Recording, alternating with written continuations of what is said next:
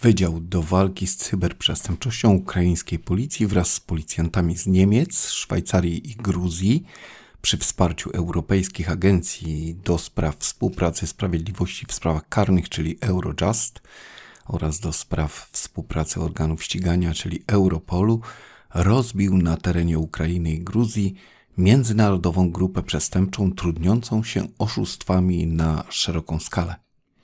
Według dotychczasowych ustaleń oszuści od 2019 roku zdołali utworzyć na terenie Gruzji i Ukrainy swoiste call center oraz stworzyć ponad 100 zasobów internetowych, m.in. w postaci stron, na których w sposób przekonujący oferowano potencjalnym inwestorom inwestycje swoich oszczędności w kryptowaluty i papiery wartościowe na wirtualnych rynkach finansowych.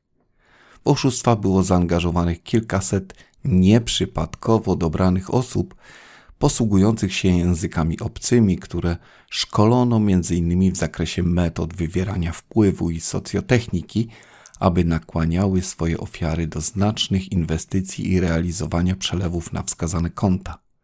W trakcie oszustw nakłaniano ofiary do instalowania specjalnej aplikacji, która rzekomo miała pomóc w prowadzeniu transakcji, a tak naprawdę umożliwiała przestępcom uzyskiwanie dostępu do urządzeń ofiar i łatwego transferowania środków na własne rachunki bankowe.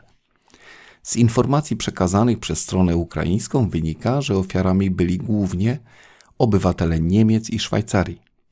W informacjach prasowych brakuje wskazania, że wśród ofiar są również Polacy. Z naszych ustaleń jednak wynika, że podobny schemat działania był realizowany w stosunku do obywateli Polski. Sami otrzymaliśmy kilka takich zgłoszeń. W wyniku tych działań zabezpieczono szereg sprzętu komputerowego, telefonów, gotówkę oraz dokumenty. Ponadto zamrożono środki finansowe ulokowane w ponad 20 krajach. Nie podano w jakiej kwocie. Aktualnie trwają czynności dochodzeniowo-śledcze mające na celu ustalenie wszystkich ofiar oszustw i ostatecznej wysokości wyłudzonych kwot. W opisie tej relacji lub w komentarzu znajdziesz link do artykułu, w którym dodatkowo prezentujemy ulubiony program cyberprzestępców, do instalacji którego nakłaniają najczęściej swoje ofiary.